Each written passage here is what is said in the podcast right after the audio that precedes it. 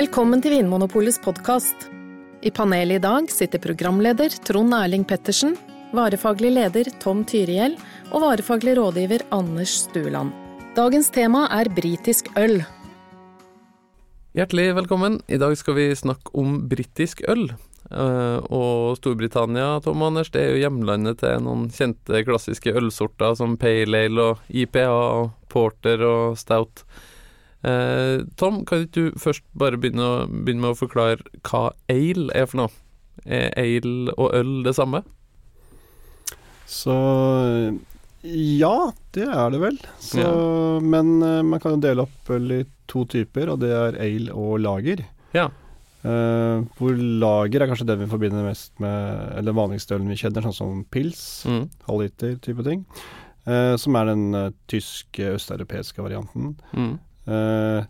de er ganske kjølig og også ble lagret, derav navnet lager. Mm. Mens ale, da, da er vi over på i Storbritannia. Mm. lagres Den gjærer ved litt høyere temperatur, får mer fruktighet, litt mer estere. Mm. så det er, det er hovedforskjellene. Ja. Så det er på en måte forskjellen på undergjæra og overgjæra øl? Eh, det kalles det også, ja. ja. Noen kaller det også varmgjæra og kaldgjæra, sånn sett. Så det er ja. litt temperaturforskjell. Og da, hva, hvilke er det som er undergjæra av de her? Eh, Ailen er da litt eh, overgjæra, mm. eller litt sånn varmgjæra, litt høyere temperatur. Mm. Um, og det, skille, det, det, kan man dele med opp i lyse og mørke sorter. Ja. Mm.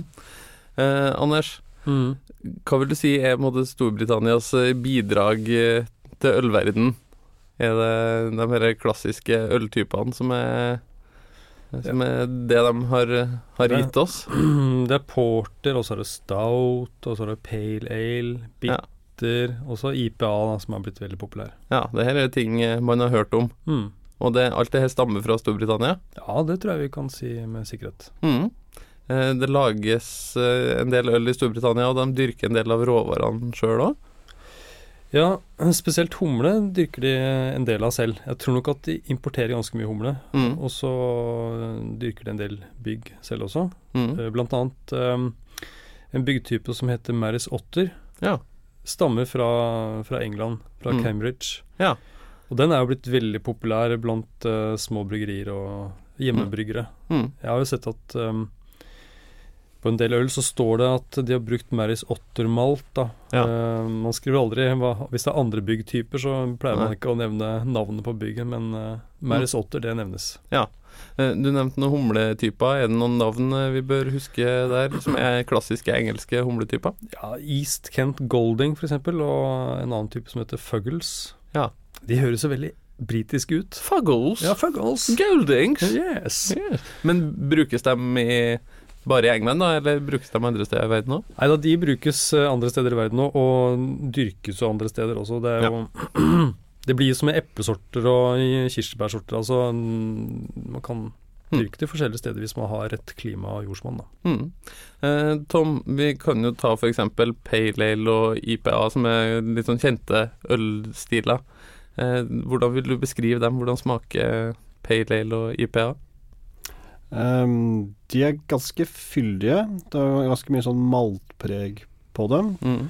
Uh, og så har du da en, en god del mer humle, altså dette svale, balsamisk og bitterheten mm. i India Pale Ale. Mm. Men uh, igjen så er det ganske mindre av det enn det, måtte, mange av det, det, som er populært i dag, er disse amerikanske IPA-stilene. Mm. Og disse britiske, som er jo forløperne, de, de, de opprinnelige, mm. de er ikke så så parfymerte, så aromatiske. Det er mer mm. sånn dempa både pale ale og IPA. Ja, eh, så det er på en måte lyse, men ganske sterke og fyldige øl? Ja. ja. Gylne farge og eh, tydelig malt og mm. en god del humle, men ikke så mye som de, britt, nei, som de amerikanske. Mm. Men faktisk er det sånn at jeg eh, tror det var ved mellom 18 og 1900, altså begynnelsen av 1900-tallet, så tror jeg det kom en ny eh, beskatning på, på, øl i England ja. um, som ble basert på hvor sterk vørteren var. sånn at et, sterk, ja. et, sterkere øl ville få en høyere beskatning enn eh, svakere øl. Ja. Og det gjorde at det ble etter hvert veldig vanlig at ølet var ganske svakt. Mm. Og uh, sånn er det fremdeles faktisk. Eh, mye av det ølet som serveres på, på kran på, i, på pub. britiske puber, de Mm. er ganske alkoholsvake øl. Og mm, Mm. jeg tenker generelt svakere enn mye annen mikrobryggeriøl fra f.eks. Ja. USA. Mm. Porter og stout og sånne mørkeøl, Anders, er de eh, svake i England, dem òg?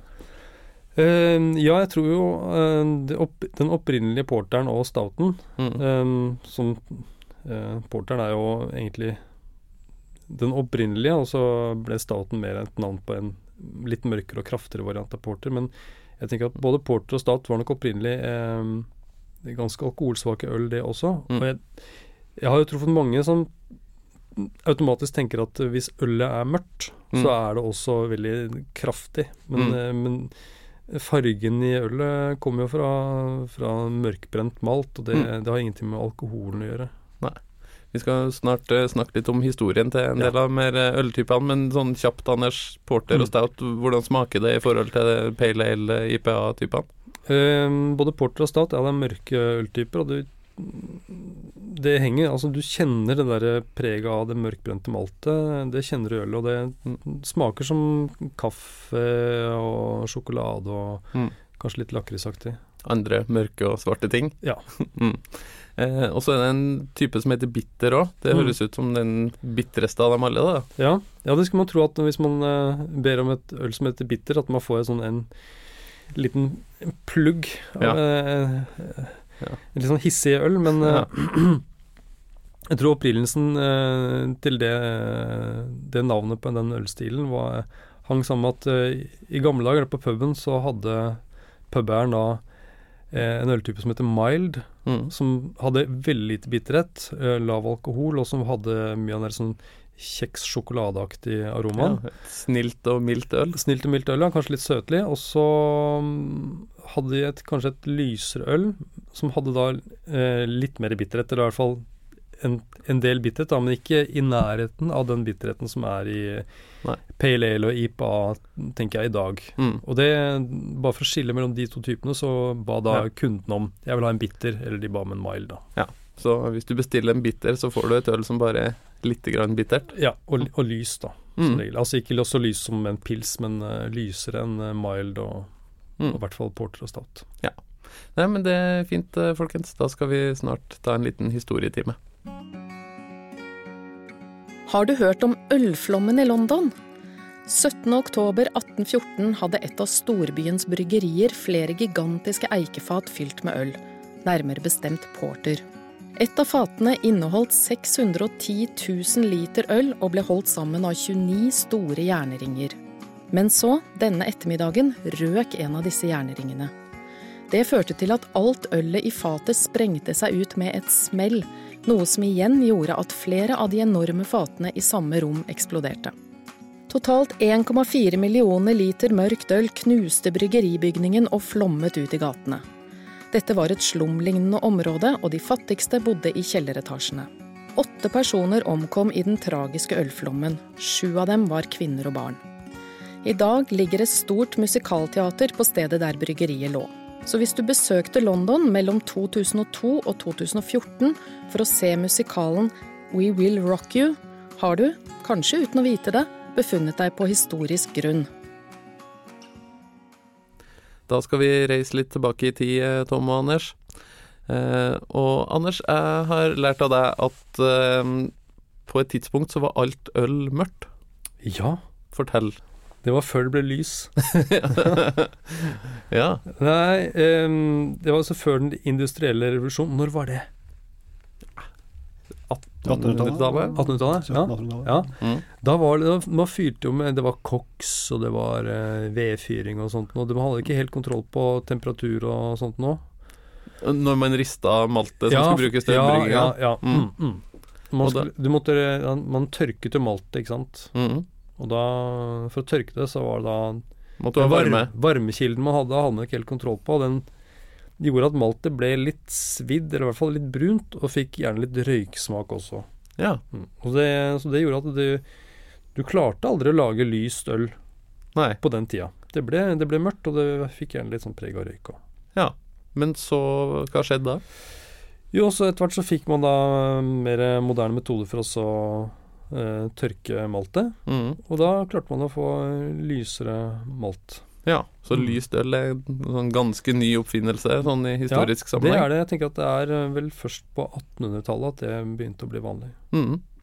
Eh, Tom, mm, det finnes jo et mørkt øl som heter porter. Vet du hvorfor porter heter porter? Ja, hvis ikke jeg husker feil, så var det fordi at det ble brukt av disse eh, bryggesjauerne Mm. som da ble kalt for uh, portere. Mm. Og de drakk den type øl, Ja. som da var et mørkelig kraftigere øl. Og så fikk det da det navnet Ja. porter. Bærere og sjauekarer i London på 1700-tallet. Ja, staute arbeidsfolk. Mm. Mhm.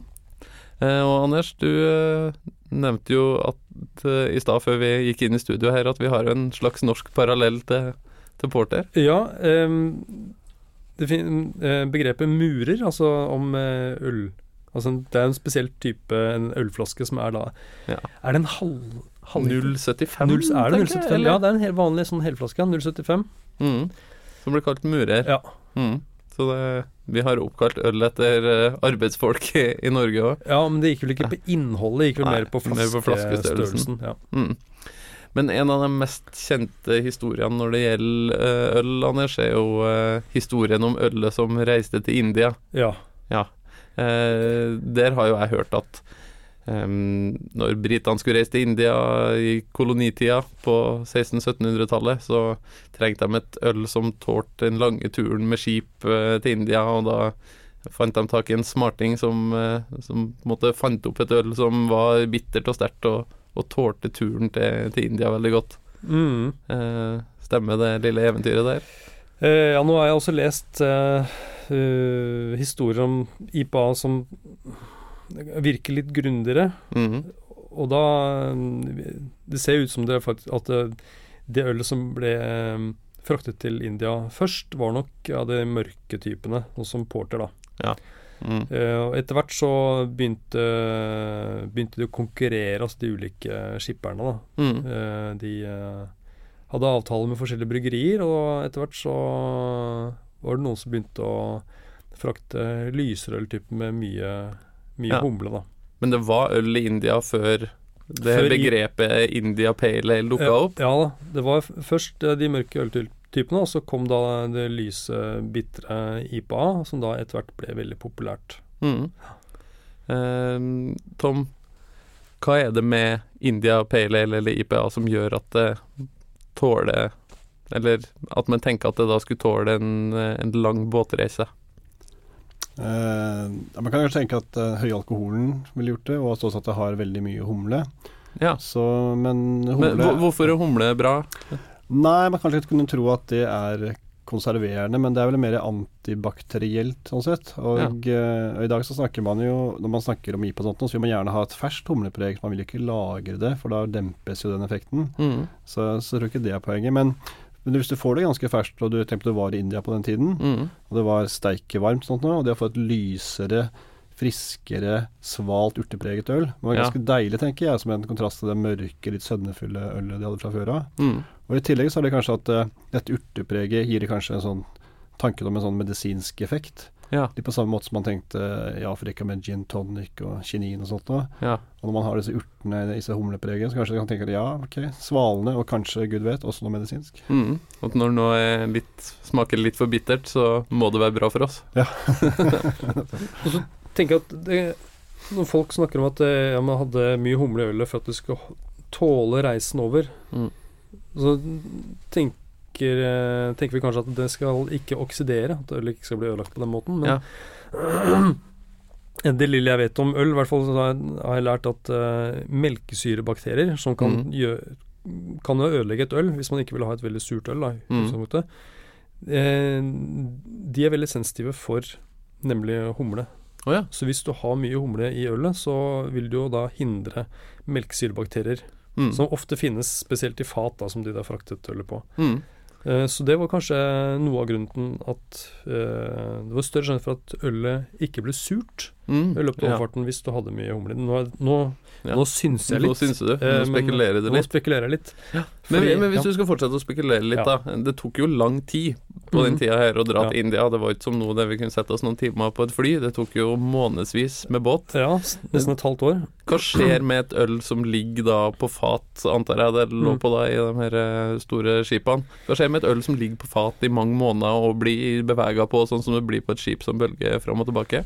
Ja, du, du, beveger på det, det er høyere temperatur, ikke. Du, når du beveger deg ned mot uh, tropene, så mm Uh, og det setter i gang Altså prosessene går raskere også. Så mm. det er jo klart at uh, ølet vil nok oksidere litt. Det får litt luft uh, gjennom fatet. Men i fat, i det treverket, så var det nok sannsynligvis også bakterier og gjærtyper som de ikke helt hadde kontroll på. Så ja. i løpet av det halvåret og igjen, nå synser jeg igjen. Mm. Så, så, tipper jeg at det ølet hadde nok endret seg en del. Mm. Eh, kanskje det var eh, noen viljartyper som hadde gitt litt mer fruktighet og kompleksitet og sånt noe. Mm. Eh, men det hadde antageligvis ikke gått helt galt, da, siden det var mye, eh, mye humle som da fungerer antibakterielt. Ja, det ble jo populært i India, ja, det her ølet, ja. så det kan ikke ha gått helt galt. Nei, nei, jeg tenker at det jo, må være veldig veldig hyggelig da å være soldat i India, og så får du, får du engelsk øl til, uh, til uh, mm. Cucumber sandwich, eller hva, de spiste. Rigatoni-suppe, kanskje? Ja, ja, kanskje det. Ok, så det, det, det brune ølet var da kanskje den porteren de sendte før, var kanskje surere, da? Ja, kanskje. Og at uh, det var en forskjell ja. med når det var humla. Så ja. selv om du ikke fikk det ferske humlepreget, så fikk du mindre av den syra, som du sier. Kanskje ja. det allikevel var en konserverende effekt. Ja, og en annen ting er at i nå, nå nerder vi mer her, ja, og synser. Fordi i mørkt øl så er det mer av en sukkertype som heter eh, dekstriner. Mm -hmm. Og dekstriner er vanligvis ikke noe som vanlige gjærtyper klarer å bryte opp. Mm. Men villgjærtyper, sånn som Brettanomyces, klarer nettopp også å bryte opp dekstriner, men betanomyces bruker lang tid, og de bor gjerne i fat, ja. denne viljartypen. Mm. Så jeg tenker at det er jo både at det er større sjanse for melkesyrebakterier eh, med lite bitterhet, men også at det finnes dekstriner i det mørke ølet, gjør at jeg, tror jeg, Min teori er i hvert fall at de mørke øltypene gjennomgikk en mye større forandring ja. Det var mye mer usikkerhet for hva du endte opp med etter de seks månedene på, på havet i fat. da. Ja, Så da var det kanskje noe i det likevel, da, at IPA var liksom godt egna til å Det var stabilt å sende det til India? Du ja. hadde mer kontroll på hvordan det oppførte seg når du kom fram? Ja, både pga. humla og antageligvis fordi det var uh, Altså, ølet var tørrere når mm. du sendte det ut. Tom, det høres ut som det kanskje var noen spennende ølopplevelser for dem eh, som da var i India på den tida her, at de fikk smake en type øl som, som, vi aldri får sjansen til å smake i dag, for det blir på en måte ikke sendt så mye øl med, med båt i, i, fat lenger. Nei, og de som eh, da likte surøl, hvis det skjedde med mørkeølet, kunne sikkert kjøpt det kjempebillig da. Sånn, nei, dette er ødelagt, nei, men jeg tar det, jeg. Ja, vet du hva de gjorde da? De solgte sikkert til noen gærne belgiere. Men hvis vi da Og det var starten på Starten på surølbølgen. Ja. Eh, men vi må jo da forholde oss til IPA sånn som det finnes i dag, eh, Tom. Eh, og det er jo mange som fortsatt snakker om det her at IPA er en veldig sånn lagringsdyktig øltype. Mm. Eh, hvis du kunne velge, ville du helst hatt en fersk IPA eller en som eh, har vært lagra og transportert en stund? Og ikke så lett å svare på det. Jeg liker jo veldig godt de ferske, fordi er, de er så veldig humledominerte. Mm. Uh, men samtidig så har jeg etter hvert fått mer sansen for en sånn britisk uh, IPA-stil, sånn, altså som er dempa på det. Mm. Og uh, får, få med dette maltpreget. Så, og med lagring, hvis du får dempet det, hvis ikke det blir sånn uh, hundefòr-høyaktig, så, mm. så Men noe av greia er vel at jeg skal ha det litt ferskt, så jeg tror heller Ja, så må jeg velge heller en fersk utgave. Ja. Eh, det er bra, for nå skal vi snart over på litt ferskere og nyere historie. Så da får vi bare fortsette å nerde litt i del tre. Da skal vi over på litt nyere historie, Tom og Anders. Eh, og Anders, det var vel sånn at mm, de her klassiske ølstilene ble jo veldig populære utover. Men så mm. forsvant de sånn ut på 1900-tallet en gang? Ja, britene de har jo hatt en sterk pubkultur. Ja. Uh, og da disse pubeierne Enten så hadde de brygget øl selv, eller så fikk de ølet sitt fra lokale bryggerier. Mm. da serverte de disse tradisjonelle øltypene som mild og bitter og Ja, Det var på en måte ikke de her store internasjonale merkevarene som det, Selv om eh, lagerøl sånn som pils begynte å bli populært, eh, eller var populært ellers i Europa, så fikk det aldri helt fotfeste i, i Storbritannia. Mm. Inntil sånn 60-70-tallet. Ja.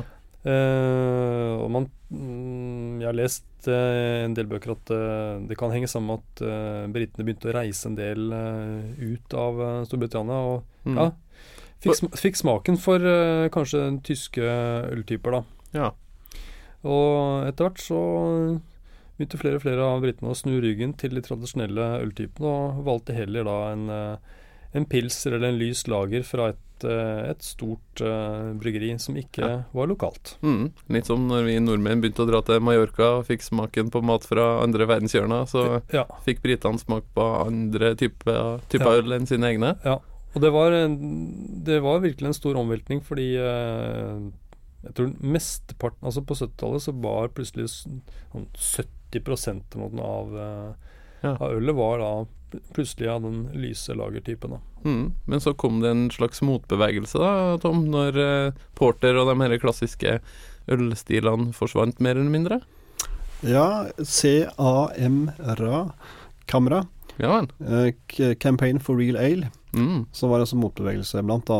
Uh, med han uh, Michael Jackson, altså ølskribenten, ikke pop Ikke kongen av pop.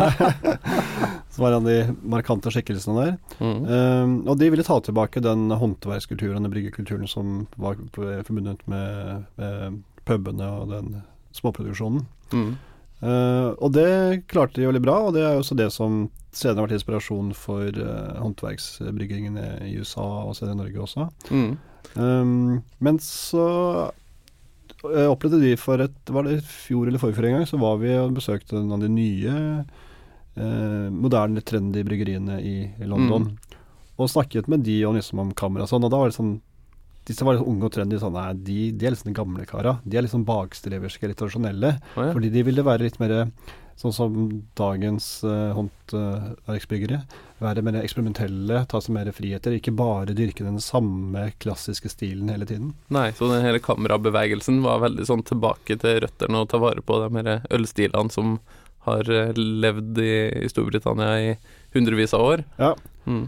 Så jeg tror de nesten så det på en sånn Fortidsminneforeningen, men ja. uh, ja, vi, vi, sa, ja vi, vi, leste i en sånn kamerabrosjyre om, om, en bra pub som vi dro dit, for de hadde mye sånn mm. uh, real ale. Mm. Da så de bare litt sånn rart på oss. Sånn, ja, okay. det var som om Kåre Willoch hadde anbefalt en, en pub. Ja. de, uh, den, den, nye generasjonen av britiske bryggere, de vil eksperimentere mye mer, mm. samtidig som de ja, lage tradisjonelle øltyper. Mm. Og så vil de gjerne servere ting på glass. De vil ikke at ting skal gå på, på kran. Det, det, skal være kule etiketter. På flaske og, ja, og bokser. Ja. Eller bokse. Eller bokse. ja. Mm. Men Anders, eh, i USA så vokste jo fram en sånn hjemmebryggerbevegelse og mikrobryggtradisjon etter hvert på 70-80-tallet som tok utgangspunkt i de mer britiske, mm. klassiske mm. ølstilene. Mm. Men der var det mer lov å leke seg, kanskje? Ja, I USA så var det allerede en organisasjon som sa at vi må bevare det gamle amerikanske ølet. Det var um, mer slik at den mikrobryggeritrenden som begynte i USA på 1970-tallet, mm. den har egentlig holdt seg uh, og hele tiden utviklet seg. Ja. I Storbritannia har det heller vært sånn at det har uh, vært uh, lager som da tok mye av markedet på 60-70-tallet. Så kommer Kamera og sier at hei, vent litt, vi må ta vare på tradisjonene. Og så har det skjedd et nytt et nytt skifte nå, hvor mm. Eh, de unge bryggerne eh, skaper eh, noe som de vil ha. Så nå er den nye generasjonen på vei opp og fram? Mm, jeg vil si allerede fra ja, sånn rundt år 2000 så har det vært en enorm vekst, eller altså kommet mange mm. nye bryggerier i England. Hva er det som kjennetegner dem land som den nye generasjonen lager, da, Tom? Eh, hva, I hva slags retning tar de eh, de klassiske britiske ølstilene? Eh, de tar det jo mer i da i retning av den amerikanske stilen igjen. Mm. At de kjører på med mer humle og andre humletyper ja. enn det du bruker i den klassiske britiske. Mm. Og Hvis jeg får ta litt sånn vindigresjon midt i dette ølpratet, ja, går det vær så god. For dette med nye verden, gamle verden, altså Storbritannia mot USA, mm. så er det samme der også på vin. Så har man liksom hatt uh, strenge regler for når du kan lage vin. Mm. Uh, man har etiketter med slott og Årjø og, så, og, og så videre. Mm. Mens i sånn som i USA og Australia, så kan en ja, vi lager hele med bilde av en kenguru på, og så skriver druenavnet. Ja. Og så ser man senere at oi, så vil man gjerne ha fire tøyler i Europa også, for å lage noe som ligner mer på dette, fordi det er populært. Mm. Ja, da ringer det straks ut for historietimen vår, eh, folkens, så da er det på tide å runde av.